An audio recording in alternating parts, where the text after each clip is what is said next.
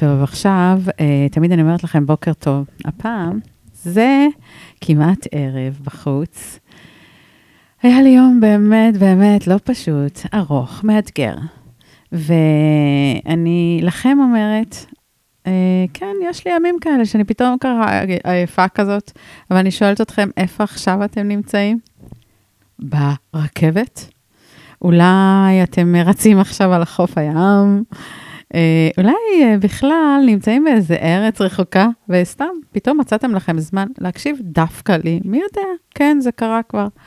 ואני אומרת לכם, אה, אני בהודיה מוחלטת על זה שאני נותנת איזשהו ערך קטן לכם ואתם לי בזה שאתם מקשיבים.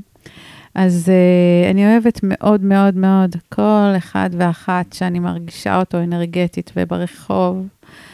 ו... אני בהודיה על העולם הזה. ועכשיו אני בהודיה כפולה, כי יושבים איתי שני אנשים היום, זוג, ג'יל ואמנון דמתי.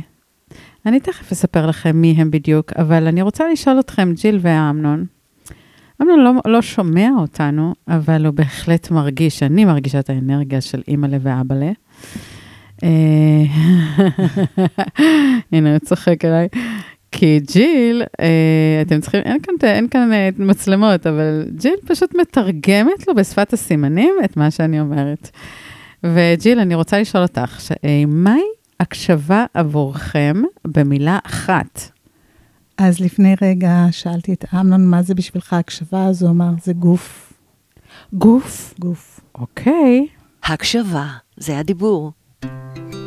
הפודקאסט שבו תגלו את הדרכים להקשיב. כי כולנו זקוקים לקצת הקשבה, נכון? בהגשת שרי ג'קסון קליין, המקשיבה ויזמת יום ההקשבה הישראלי.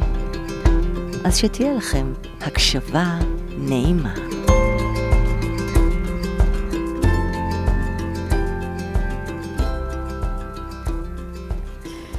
ג'יל! איזה כיף שבאתם. אני לפני הכל מתחילה בעובדה שג'יל ואמנון, בליווי עדי אברהמי, אז uh, הפתעה, אבל בכל זאת, ירקדו לכם ויפתחו את יום ההקשבה הישראלי השני, בבימה, חמישי לחמישי, 23, חמסה, חמסה, חמסה. מה שלומכם? חשבתי, חשבתי שזה סוד, אז לא סיפרתי לאף אחד. אני מרשה לך. אז את מרשה לי? אצלנו כן, אין סודות.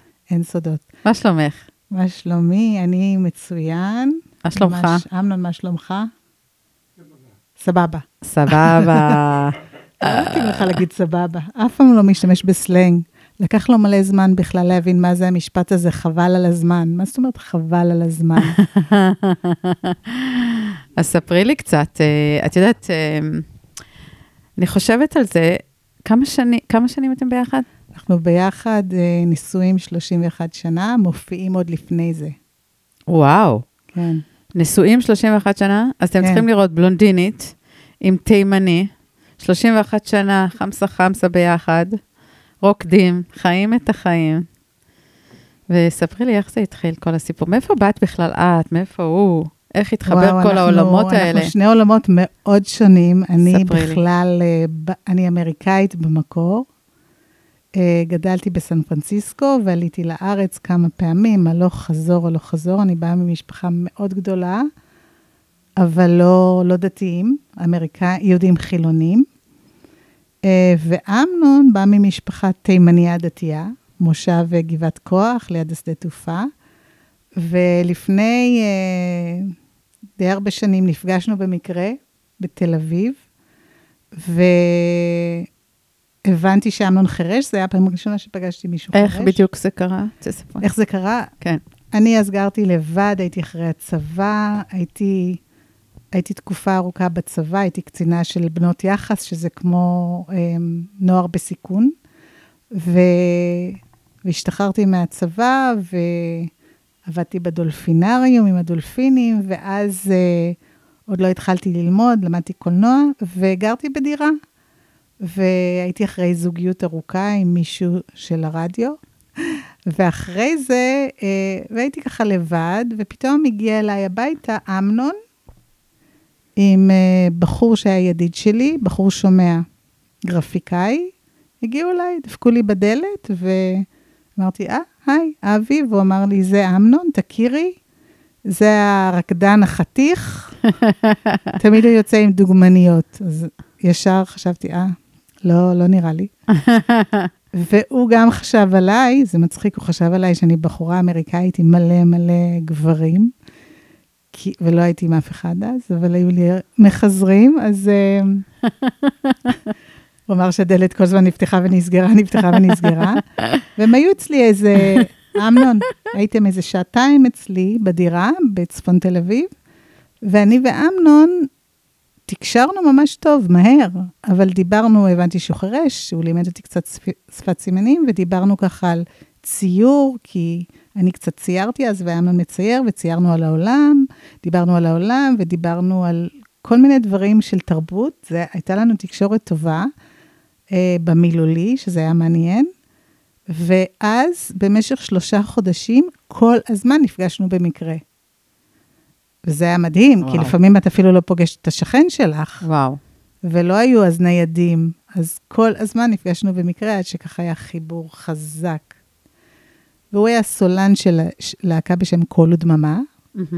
שחצי מהרקדנים היו חרשים וחצי שומעים, והוא רקד שם הרבה מאוד שנים. Uh, הוא ממש מהמייסדים, ואני uh, התחלתי ללמוד קולנוע, וככה התאהבנו וגרנו, גרנו ביחד, ואז um, הוא אמר, בואי נבנה מופע משותף. הוא עזב את הלהקה, הוא, הוא רצה ליצור באופן עצמאי. הוא הרגיש שהוא קצת... אה, אני לא מבינה רגע. אה, הבחור חירש, יפה, הוא חתיך והכול. איך, איך זה, איך את, שאת שומעת, מדברת, הוא גם מדבר, אבל את שומעת, איך נכנסת לכל הסיטואציות, ואיך הוא בכלל רוקד, אמנון, שהוא לא שומע. זה מעניין, אני רואה אנשים, אז אני לא, לא כל כך שמה לב לצבעים, למוגבלויות שלהם, אני רואה משהו כנראה הרבה מעבר, כי... כנראה שלא רואה מוגבלות. לא רואה, לא רואה מוגבלות, אבל גם אימא שלי סיפרה לי שהייתי ממש ילדה קטנה, גרנו בשכונה כזאת. אה, מה ב... הוא אמר עכשיו בשפת הסימנים? רגע, אמר, אמרתי לו, שנייה, אה, אוקיי. הוא מספר על משהו. אז אתם צריכים לראות מה קורה כאן, זה פשוט קטע. הוא מנסה להגיד לה משהו, עכשיו, הוא, הוא מדבר איתה בשפת הסימנים, היא עונה לו, אה, עזבו שיש פה ש, שלוש כוסות תה שהכנתי להם, שהם עוד לא אמרו לי אם זה טעים או לא, כי זה לא סתם תה, שמתי להם ג'ינג'ר ותפוז. כן, אני... בא לי שלוק. קחי שלוק. איך התה? תשאלי גם את אמנון. טעים? ממש טעים. אוי, טוב ששמת דבש. אוקיי, כן. אמ, זה מדליק מה שקורה כאן. אז מה שאימא שלי אמרה לי זה שהייתי ממש קטנה, אני חושבת שזה היה בגן כזה, בסן פרנסיסקו. כן. אז uh, שאלתי אם אני יכולה להביא חברה, ואז חברה הגיעה. היינו בשכונה כזאת בסן פרנסיסקו, ו... ואחרי שלקחו את החברה, היא אמרה לי, את לא אמרת לי שהחברה שחורה, הייתה שקראו לזה פעם כושית. באמת? אימא. שלך אמרה לך את זה? כן, סתם, לא, לא כזה, אוקיי, כי פשוט אוקיי. הייתה שכונה כזאת, אוקיי. של, שלא היו שם הרבה, mm-hmm. ו- ולא חשבתי על זה. לא, באמת לא. זה לא, זה נראה לי אפילו מוזר להגיד את זה. אז, אה, אז כשפגשתי את אמנון, אמנם ישר הבנתי שהוא חירש, כי הדיבור שלו מאוד לא ברור, והאמת היא שאחרי כמה זמן שהתאהבנו, הוא טס לפינלנד להופיע עם הלהקה, וזה היה מעניין, זו הייתה פעם ראשונה ששמעתי אותו מדבר, כי מישהו תרגם בטלפון, כי התגעגענו אחד לשני, אז מישהו תרגם אותו בטלפון, ופתאום שמעתי את הדיבור שלו, אמרתי, וואו, לא שמתי לב שיש לו דיבור כזה גרוע, כי פשוט התאהבתי בו. כן, אבל אה, כן, תמיד הבנתי אותו, אז גם כששמעתי אותו שמעתי אותו דרך הטלפון, אז הבנתי אותו, את, את הדיבור שלו, אבל מישהו תרגם בשבילי בכל אופן. וואו. אבל באמת, הם, זה, זה דברים שהם הם, הם נלווים כאלה. ושהיינו בארצות הברית לפני, אה, בדיוק לפני הקורונה, והופענו לילדים חרשים, אז הם נורא התרגשו בסוף כשסיפרנו שאנחנו נשואים, אז איזו ילדה בת 13 הצביעה ושאלה אותי, למה התחתנתי עם מישהו חירש? אז אמרתי, לא יודעת, בשבילי הוא נולד חירש כמו שאני נולדתי בלונדינית, זה מה שאמרתי. איזה יופי. והיא נורא התלהבה מזה, וזה באמת היה לי נורא נורא טבעי. דרך אגב, הופענו לחרשים לפני כמה חודשים, והם שאלו אותי, ג'יל, איך זה להיות נשואה למישהו חירש? דרך אגב, הביאו מתורגמן, כי אני לא מתורגמת מקצועית, אבל כמעט לא השתמשו בו, כי הם אוהבים את השפת סימנים שלי, כי היא מאוד אומנותית כזאת. כן. אני גם קצת ממציאה מילים. אז, אה, אז הם התעקשו, הם שאלו אותי איך זה להיות נשואה למישהו חירש, אז אמרתי, אני לא יודעת, אני רק יודעת איך זה להיות נשואה לאמנון. וואו. זה כמו ששואלים איך זה להיות נשואה לתימני. אני לא יודעת, אמנון אין בו שום סטיגמות שקשורות לתימניות, הוא גם קצת לא נראה תימני, אבל הוא תימני משני הצדדים. אין לו את הקטע הזה ש, של הקמצנות וכל מיני דברים. אני, אני, אני רוצה לשבור כל סטיגמה שאפשר. כן. וואי, זה מקסים. הוא אומר שהאהבה כבשה אותנו. צודקים, יואו, איזה כיף. לא, אתם צריכים לראות, זה כל כך מרוגש. אני רוצה, ואמרת שיש לכם שני ילדים. בני כמה? אז קאי בן 31. קאי. קאי, כשהייתי בהיריון לפני 32 שנים, אז ההורים של אמנון היו תימנים אסלים ח' ועין, וההורים שלי היו אמריקאים, רייש וזה. אמרתי, טוב, אני צריכה להמציא שם.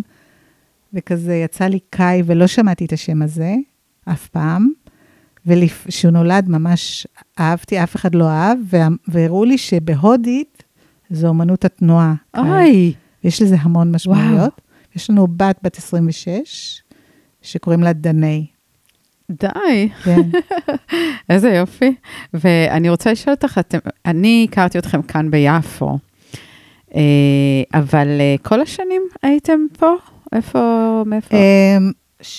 כשהכרנו, אז אה, קודם כל, אני נדדתי כל כך הרבה בילדות שלי, מארצות הברית לישראל ארבע פעמים, גם בקיבוצים, גם בערים, גם בכרמיאל, גם בקריית ים, גם בהרצליה, גם ברמת גן.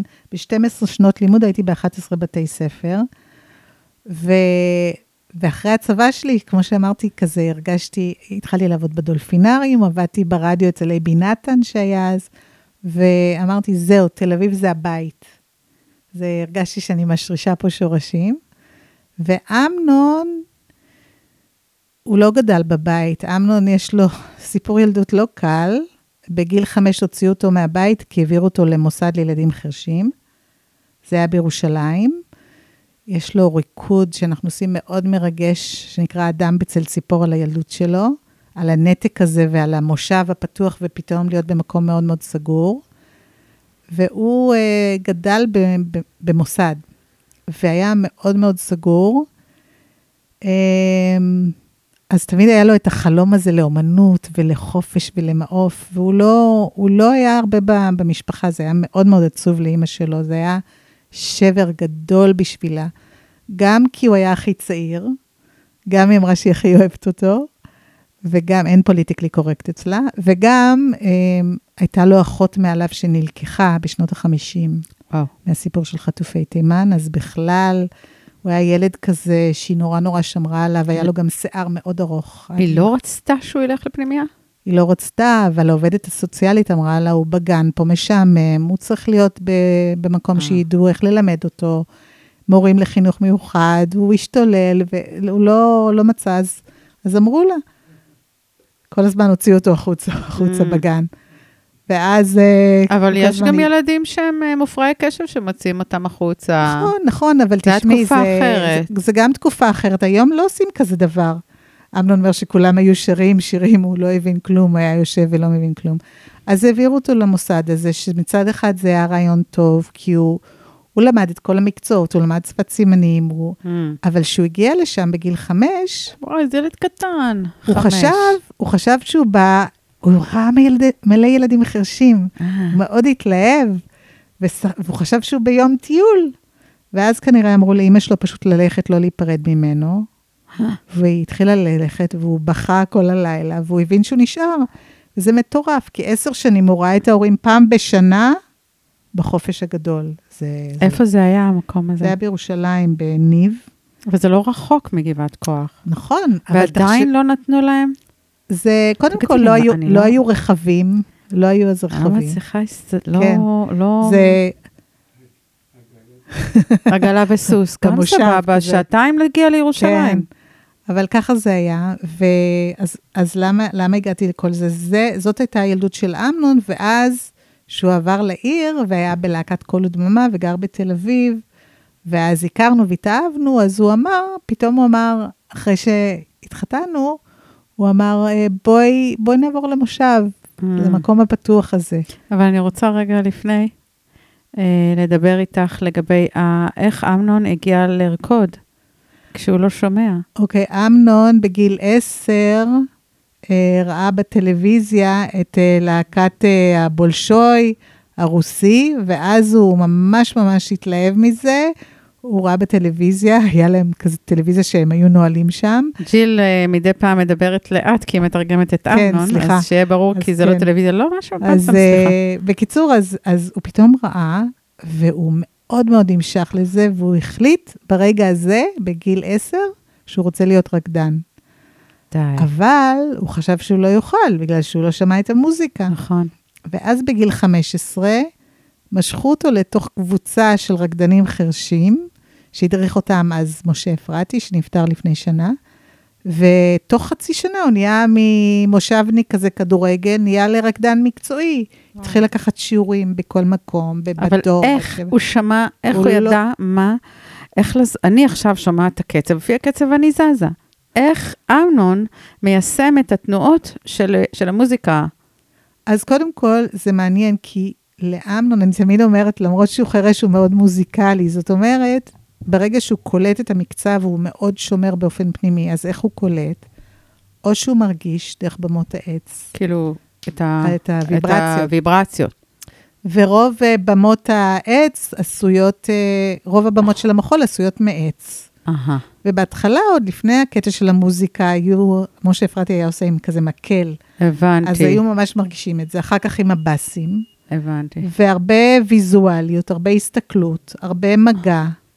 ובעצם הוא צריך לקבל סימנים, אבל אני זוכרת שסיפרו לי, קול ודממה, שהרקדנים השומעים ידעו שיש לו חוש קצב כל כך טוב, שאחרי שהוא היה קולט מקצב, היו עוקבים אחריו. ג'ה. אז הוא היה... יואו, זה משוגע. אמנון אומר, אפילו אם עושה טעות, עקבו אחריו. זה, זה מדהים. זה פשוט uh, מרגש. אני מאוד אוהבת לרקוד. אני חושבת שכמעט כל יום אני רוקדת. ומשהו, לא משנה מה, אני אוהבת לרקוד. ואני חושבת על זה שבעצם הבחירה של אה, אמנון לרקוד מבלי שהוא שומע, זה מרגש. כן, זה ממש. את יודעת, לא מזמן היינו באיזה תוכנית אה, טלוויזיה או משהו כזה, כן. אז עשו תחקיר כזה, אז שאלו אותי שאמנון יספר משהו על הילדות, אז הוא אומר לי, מה, ילדות רגילה? אמרתי, מה רגיל בזה? שאתה היית במוסד עשר שנים, מה רגיל בזה שבחרתי להיות רקדן? כאילו, בשבילו זה טבעי. טבעי, בדיוק. זה בכלל לא נראה לו יוצא כן. דופן. מקשיב לעצמו כל הדרך. כל הזמן. זה, זה הדבר שמאוד מאוד uh, משך אותי אליו, uh, כי ככה אנשים שאלו, מה פתאום להתחתן, מה פתאום, זה לא פשוט, אז מאוד משך אותי אליו, זה הקשבה לעצמו. זה מדהים. וגם, בגלל שהוא לא שומע, אז יש לו את המלל שלו, כמו שאנחנו, הפתיע אותי שהוא אמר סבבה למשל, כי יש לו את המילים שלו, יש לו את הסלנג האישי שלו, שזה או בשפת סימנים, או זה, זה שפה אחרת, זה שלו, זה מאוד יצירתי. כן. אז זה, זה, זה יוצא דופן.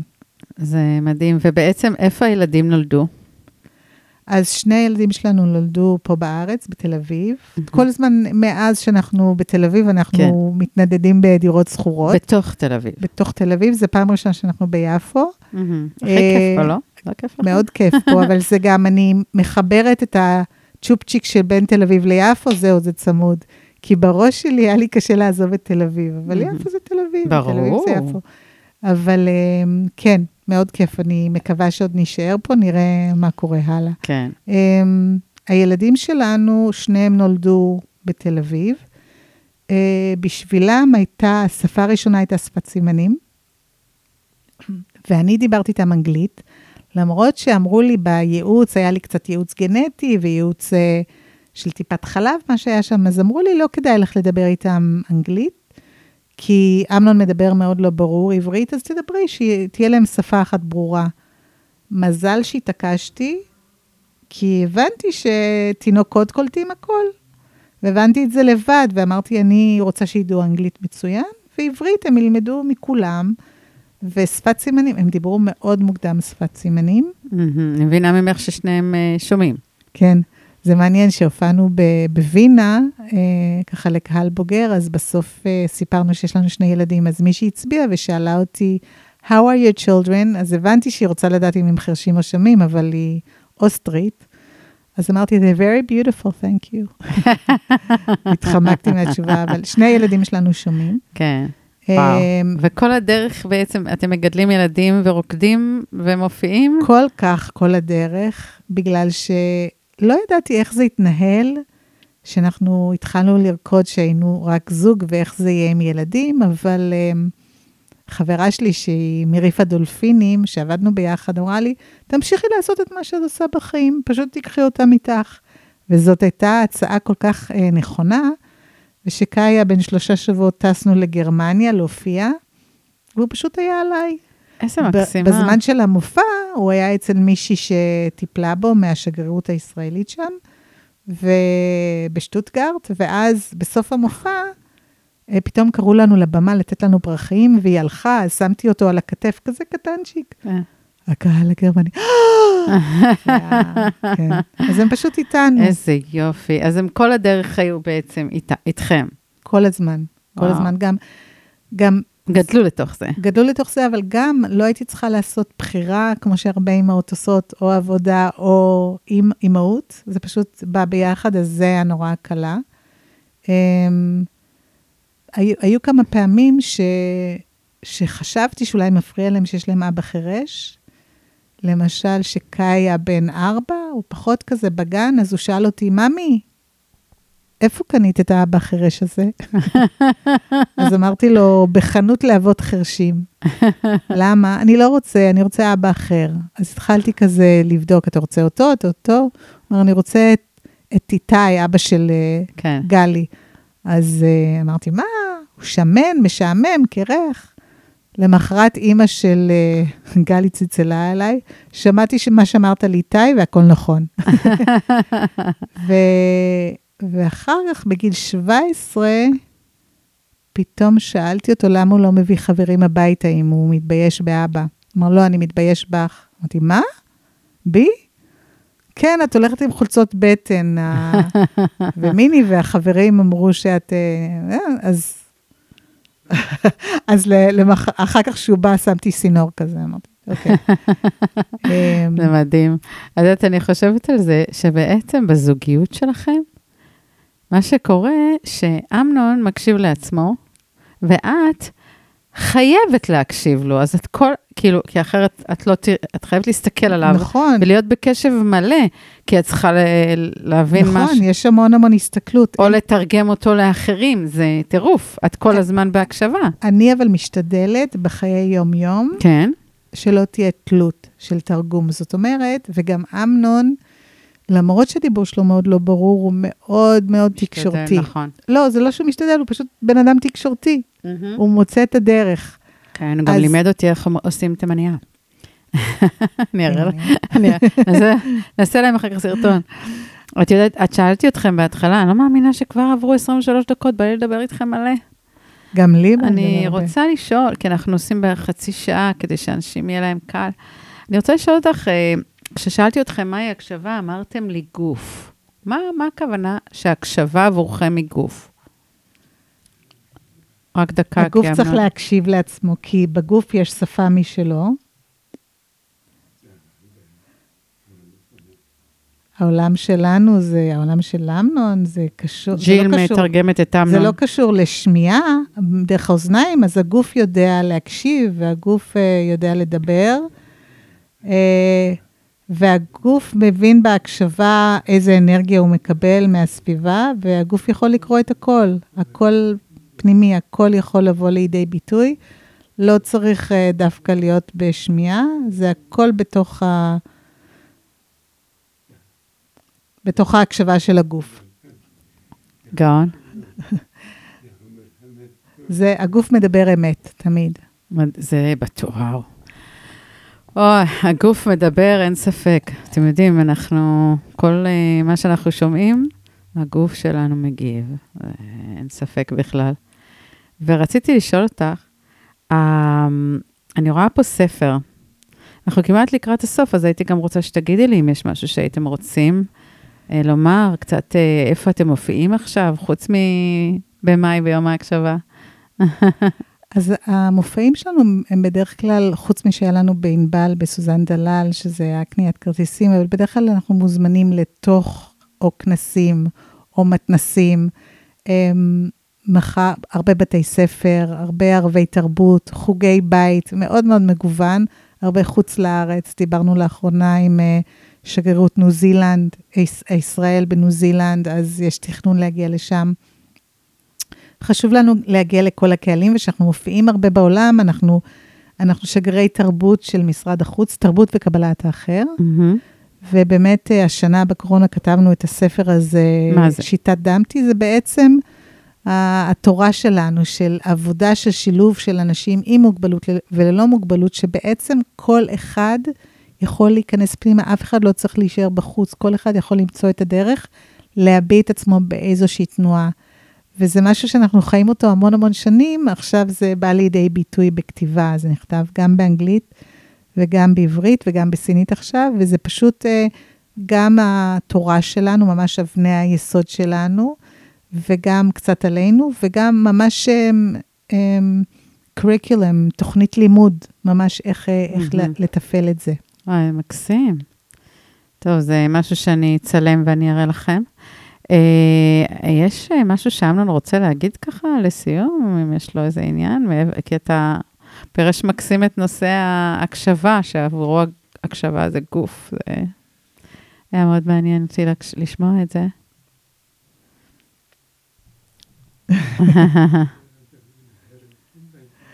אני מרגיש רגוע, אני מרגיש אחרת, מיוחד פה. איזה כיף. פה.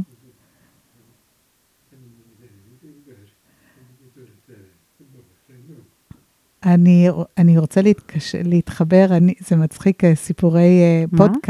סיפורי פודקאסט, כן. כי, כי בעצם זה, זה הכל מילולי. כן. אבל אמנון, אבל, אבל אה, תרגמתי אותך בדיוק, ואני מאוד התרגשתי מהמשפטים שלך, כי זה היה מאוד יפה. זה מה שאמרתי, שיש לו ביטוי שהוא קצת שונה, הקשבה דרך הגוף, כי הגוף יודע את האמת. זה משפט שאני כזה, זה חדש לי. זאת אומרת, זה לא חדש לי, אבל המשפט עצמו... ממש מעצים.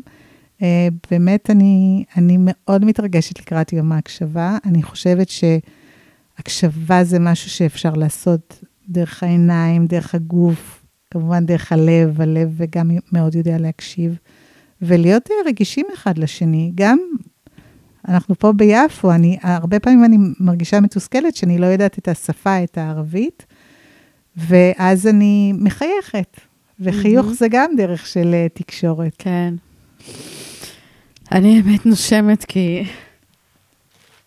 אני מאוד מתרגשת. רגע, רגע, רגע, רגע. אה, רגע. טוב, אחר כך נתחבק. אני מאוד מתרגשת, כי קודם כל, ממה שאני רואה כאן, זה נורא מרגש. ולשמוע אותך אומרת, אחרי 31 שנה, כמה? 31 שנה נישואים, עוד לפני זה. 31 כן. שנה נישואים ועוד לפני זה, להגיד, אה, התרגשתי לשמוע אותך אומר מש, את המשפט על שהגוף מדבר, כאילו, תבינו שיש פה זוג שבלי עין הרע אומרים, אה, חמסה, חמסה, חמסה במקומות מסוימים. כאילו, עדיין היא אומרת, אני מתרגשת ממך, איזה כיף. ג'יל, את זכית. תודה, נכון. זכיתם. uh, אני רוצה להגיד לכם תודה שבאתם. והייתם פה כאורחים שלי. תודה שאתם מסכימים להיות חלק ולפתוח את יום ההקשבה הישראלי הראשון, השני. אז uh, באמת תודה. תודה רבה רבה. Uh, טוב, אני תכף אלך לנשום, ואני רוצה להגיד לכם, מאזינים, תודה רבה לכם שהקשבתם, ואולי תקבלו מזה השראה להמשיך לאהוב אחד את השני. זה לא משנה, הרי כולנו מוגבלים בסוף. אחד מאיתנו הוא קצת עצבני מדי, ואחד לחוץ, ואחד שקט, ואחד אה, זעפן, ואחד סגור. כולנו, כולנו מוגבלים. במקרה הזה אמנון לא שומע, אבל לנו יש דברים אחרים, בעיות אחרות. אה, ובואו נחשוב מה הייעוד שלנו פה בחיים, מה אנחנו עושים פה, למה באנו, איזה מתנה אנחנו רוצים לתת לעולם הזה. אתם מוזמנים לעקוב ולראות מה קורה ביום ההקשבה הישראלי השני. אולי תהיו בבימה ותשבו בקהל, ואולי פשוט תשבו על ספסלים באותו יום ותקשיבו לעוברים ושבים בספסלי הקשבה שיפוזרו בארץ. אז באמת תודה רבה. אה, אני שרי ג'קסון קליין, תודה שהקשבתם לי, ועד לפרק הבא, שהקשבה ואהבה תהיה מנת חלקכם תמיד. הקשבה, זה הדיבור. הפודקאסט שבו תגלו את הדרכים להקשיב. כי כולנו זקוקים לקצת הקשבה, נכון? בהגשת שרי ג'קסון קליין, המקשיבה ויזמת יום ההקשבה הישראלי. אז שתהיה לכם הקשבה נעימה.